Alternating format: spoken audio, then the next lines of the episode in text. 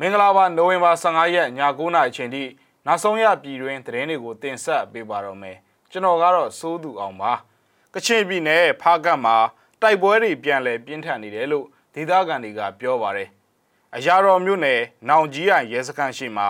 စစ်ကောင်စီခြေလင်တပ်မိုင်းဆွဲတိုက်ခိုက်ခံလိုက်ရပါတယ်တန်လင်သရာအဆင့်ကစစ်ကောင်စီဂိတ်စခန်းနဲ့တိုင်းသားကျေးဝါနာကမီးပွိုင်းကိုပြစ်ခတ်တိုက်ခိုက်တဲ့ရုပ်တံဖိုင်ပေါ်ထွက်လာပါတယ် တာမွေမျိုးနယ်မှာတော့မီတာလာဖြတ်တဲ့အဖွဲ့ကဓာတ်ပုံရိုက်ထားရင်မီးမတက်ပေးဘူးဆိုပြီးချင်းချောက်နေပါတယ်နိုင်ငံတကာသတင်းတွေဘက်မှာတော့ဆန္ဒပြပွဲအကျိုးဖြိုခွင်းမှုကြောင့်ကျူဘားကိုအမေရိကန်ကသတိပေးလိုက်ပါတယ်ဒီအကြောင်းတွေပါဝင်တဲ့နောက်ဆုံးရပြည်တွင်းနဲ့နိုင်ငံတကာသတင်းတွေကိုတင်ဆက်ပေးပါတော့မယ်ရန်ကုန်တိုင်းဒေသကြီးအတွင်းမှာရှိတဲ့တန်လင်သရာအစင်စစ်ကောင်စီဂိတ်စခန်းနဲ့တိုင်းသားကျွော်အနာကမီးပွိုင်းကို PDF က ပြစ်ခတ်တိုက်ခိုက်တဲ့ရုပ်သံဖိုင်ကိုရန်ကုန်တိုင်းစစ်ဒေသကိုကဲကြီးအဖွဲ့ကမျက်စိမှောက်ကိုပေးပို့လာပါတယ်နောက်တစ်လုံးရတယ်လူရန်ကုန်မြို့တန်လေသရာအစင်းမှာရှိတဲ့အကြမ်းဖက်စစ်ကောင်စီကင်းစခန်းတွေကိုဒီကနေ့နိုဝင်ဘာ15ရက်မနက်ပိုင်းမှာပြည်သူတော်လှန်ရေးတပ်သားတွေကပြစ်ခတ်တိုက်ခိုက်ခဲ့ပြီးတော့စစ်ကောင်စီတပ်သား10ယောက်လောက်ကြီးစံထိပံက3ယောက်ဟာပွဲချင်းပြီးတေဆုံးကြောင်းရန်ကုန်တိုင်းစစ်ဒေသကိုကဲ့အဖွဲ့က သတင်းထုတ်ပြန်ထားပါတယ်ဆက်လက်ပြီးတော့အရာတော်မြို့နယ်နောင်ကြီးအိုင်ရဲစခန်းရှိမှာစစ်ကောင်စီတပ်သား10ယောက်ပါတဲ့ခြေလင်တပ်ကိုနိုဝင်ဘာ15ရက်နေ့လယ်တနာရီလောက်မှာမိုင်းဆွဲတိုက်ခိုက်လိုက်တယ်လို့အရာတော်မြို့နယ်တော်လိုင်းအင်အားစု ARA ကဗိုလ်ဘောက်ဦးကပြောပါတယ်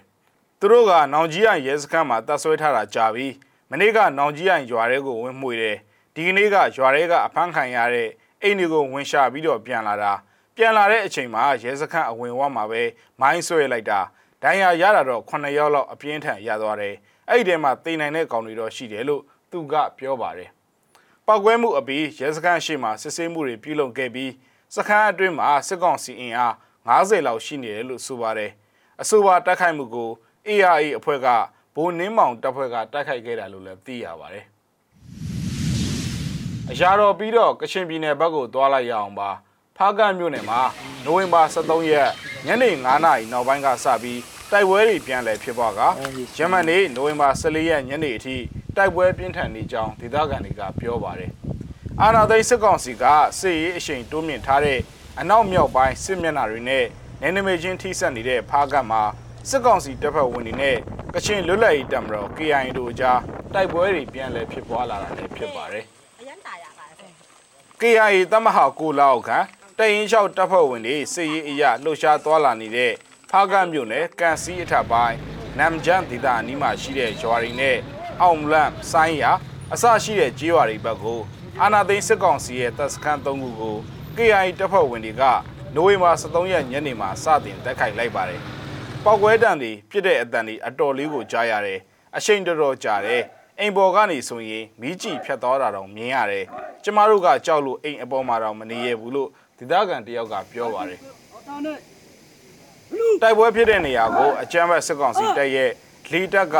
လေရင်တွေသုံးပြီးတော့လာရောက်ပစ်ခတ်ခဲ့တဲ့အပြင်ကန်စီပြူပါတပ်စခန်းကုန်းနဲ့လက်မောင်ကုန်းကလည်းလက်နက်ကြီးတွေနဲ့ပစ်ခတ်ခဲ့ကြောင်း KIA မြေပြင်အရာရှိတယောက်ကပြောပါတယ်။တပ်စခန်းသုံးခုကိုဝင်တိုက်ခဲ့ပေမဲ့စစ်ကောင်စီရဲ့တပ်စခန်းတစ်ခုကိုပဲသိမ်းပိုက်ထားကြောင်း KIO ဗဟိုဌာနရဲ့သတင်းပြန်ကြားရေးတာဝန်ခံဗိုလ်မှူးကြီးနော်ဘူက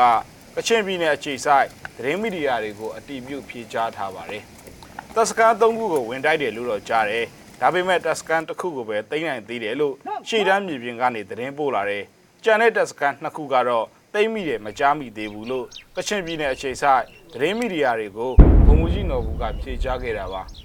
။ KIA ကတိုက်ခိုက်ခဲ့တဲ့တပ်စခန်း၃ခုဟာဖားကန့်မြို့နယ်မှာအထိုင်ချစစ်ရေးလှုပ်ရှားနေတဲ့ အာနာသိန်းစစ်ကောင်စီရဲ့တပ်မ33လောက်ခံချင်းမြန်တပ်ရင်း131တပ်ဖွဲ့ဝင်တွေရှိရာစခန်းဖြစ်ကြောင်းသိရပါတယ်။အဲ့ဒီစခန်းတွေဟာပြီးခဲ့တဲ့2013ခုနှစ်ကပဲအခြေချတည်ရှိခဲ့ပြီးတပ်စခန်းတစ်ခုမှာအနည်းဆုံးစစ်သည်အင်အား30ထပ်မင်းရှိကြောင်းသိရပါတယ်။ဖားကန့်ဒေသမှာအာနာသိန်းစစ်ကောင်စီက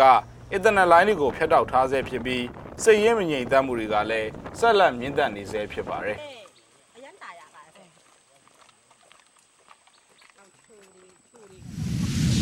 ဆက်လက်ပြီးတော့ရန်ကုန်ဘက်ကိုပြန်သွားရအောင်ပါရန်ကုန်တိုင်းဒေသကြီးတာမွေမြို့နယ်မှာဒီကနေ့နိုဝင်ဘာ15ရက်မနက်ပိုင်းက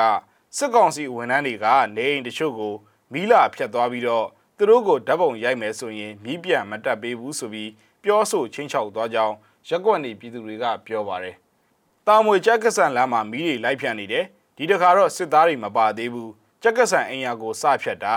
အမားတို့အခန်းလဲအဖြတ်ခံရတယ်။ကြက်ကဆန်အိမ်ယာမှာတော့ တိုက်တက်ကနေ6အထိမီးဖြတ်ခံလိုက်ရတယ်လို့တာမွေမြို့မှာနေတဲ့အမျိုးသမီးတစ်ယောက်ကပြောပြပါတယ်။မီးလာဖြတ်တဲ့အချိန်မှာရက်ကွက်နေပြည်သူတွေကသွေးသစ္စာတချင်းဆိုလက်ခုပ်တီးကြစဉ်စောက်ယူတွေကထလာပြန်ပြီလို့ရိုင်းဆိုင်စွာတုတ်ပြန်ပြောဆိုကြောင်းကိုလည်းအဆိုပါရက်ကွက်နေပြည်သူတယောက်ကပြောပါတယ်။ဒီနေ့မှာမိသားက3သိန်းအထက်ကျတဲ့တိုက်ခန်းတွေနဲ့ကွန်ဒိုတွေကိုသာမီးဖြတ်တာဖြစ်ပြီးနောက်နေ့တွေမှာတောင်ဝင်မြို့မှာရှိတဲ့တခြားသောရက်ကွက်နေအိမ်တွေကိုပါ မီးဖြတ်တောက်ခြင်းရှိမရှိစောင့်ကြည့်ရအောင်မယ်လို့ရက်ကွက်နေပြည်သူတွေကပြောပါတယ်။အခုရက်ပိုင်းတောင်ဝင်မြို့မှာရှိတဲ့ရက်ကွက်တွေမှာမီတာကွန်စာရွက်တွေလာရောက်ဝေပေးထားပေမဲ့မြို့နယ်နေပြည်သူအများစုကစက်ကောင်စီကိုကြည်စံဖို့မပေးလို့၍မိသားမဆောင်ကြဘူးလို့လည်း၎င်းတို့ကပြောပါတယ်ဆက်လက်ပြီးတော့နိုင်ငံတကာသတင်းတွေဘက်ကိုလည်းတွားရအောင်ပါကျူဘားနိုင်ငံမှာစီစဉ်ထားတဲ့အစိုးရစန့်ကျင်တဲ့ဆန္ဒပြပွဲအကြိုမှာ လုံခြုံရေးတပ်တွေကဥဆောင်တဘောထားကွဲတဲ့သူရဲ့နေအိမ်ကိုဝိုင်းရံပိတ်ဆို့ခဲ့ပါတယ်ဒီလိုမျိုးကျူဘားရဲ့ချင်းလျှောက်တဲ့နီးပြူအောင်ကိုအမေရိကန်ကရှုံချပြီးဆန္ဒထုတ်ဖော်မှုတွေကိုတားမြစ်တာကိုရုပ်သိမ်းဖို့တိုက်တွန်းပြောဆိုပါတယ်ကျူဘားပြည်သူတွေရဲ့အခွင့်အရေးကိုလေးစားဖို့ကျူဘားအစိုးရကိုကျွန်တော်တို့တိုက်တွန်းပါတယ်ငြိမ်းချမ်းစွာစုဝေးခွင့်ကိုခွင့်ပြုပေးပြီးအစိုးရရဲ့လက်တုံ့ပြန်မှုအကြမ်းဖက်မှုတွေကိုကြောက်လန့်စရာမလိုပဲပြောဆိုနိုင်ခွင့်တွေခွင့်ပြုပေးရင် ကျူဘားပြည်သူအခွင့်အရေးကိုလေးစားပါဆိုပြီးအမေရိကန်နိုင်ငံသားရေးဝန်ကြီးအန်တိုနီဘလင်ကင်ကထုတ်ပြန်ချက်မှာဆိုပါတယ်ကျူဘားအတိုက်ခံတွေဟာဟာဗာနာပြည်နယ်6ခုမှာတလင်းလာနေကဆန္ဒပြဖို့နှိုးဆော်ထားတာဖြစ်ပါတယ်ဇူလိုင်လကသမိုင်းဝင်ဆန္ဒပြပွဲတွင်ဖမ်းဆီးခံရသူအချင်းသား650ကိုပြန်လွတ်ပေးဖို့လည်းတောင်းဆိုထားကြပါတယ်။ဥဆောင်အတိုက်ခံတယောက်ရဲ့နေအိမ်ကိုလုံခြုံရေးတပ်ဖွဲ့ဝင်တွေဟာတနင်္ဂနွေနေ့မှာဝိုင်းရံထားပြီးဖိအားပေးထားပါတယ်။ ပြဆက်ရေးသားသူတယောက်လည်းဖြစ်တဲ့ယူနီယာဂါစီယာကတကူတော်ဆန္ဒပြဖို့စိုင်းပြနေတာပဲဖြစ်ပါတယ်။ဒီမနက်ကျွန်တော်နိုးလာတော့ကျွန်တော်အိမ်ကအဝိုင်းခံရရပြီလို့အသက်39နှစ်အရွယ်ရှိဂါဇီယာက Facebook ဗီဒီယိုကနေတဆင့်ပြောပါတယ်။ဂါဇီယာနေတဲ့လမ်းကိုလည်းအရက်ဝတ်နဲ့အတာဝန်ရှိတဲ့သူတွေက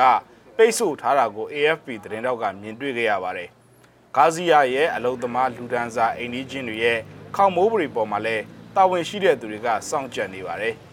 အဲ့ဒီအိမ်ဒီမှာတော့ကျူဘာအလံတွေလွှင့်ထူထားကြပါတယ်။နိုင်ငံပိုင်မီဒီယာမှာ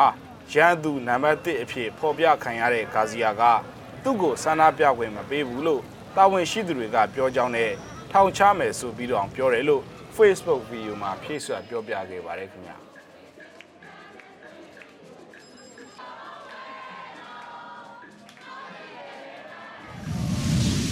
ရေစီမားရဲ့သတင်းစစ်စင်ကိုဒီမှာခဏရင်နာခြင်းပါတယ် ကြည့်ရှုခဲ့တဲ့မိဘပြည်သူတူးချင်းစီကိုကျေးဇူးအထူးပဲတင်ရှိပါတယ်ကျွန်တော်တို့သတင်းနဲ့အတူတူပြန်ဆောင်ကြပါဦးမယ်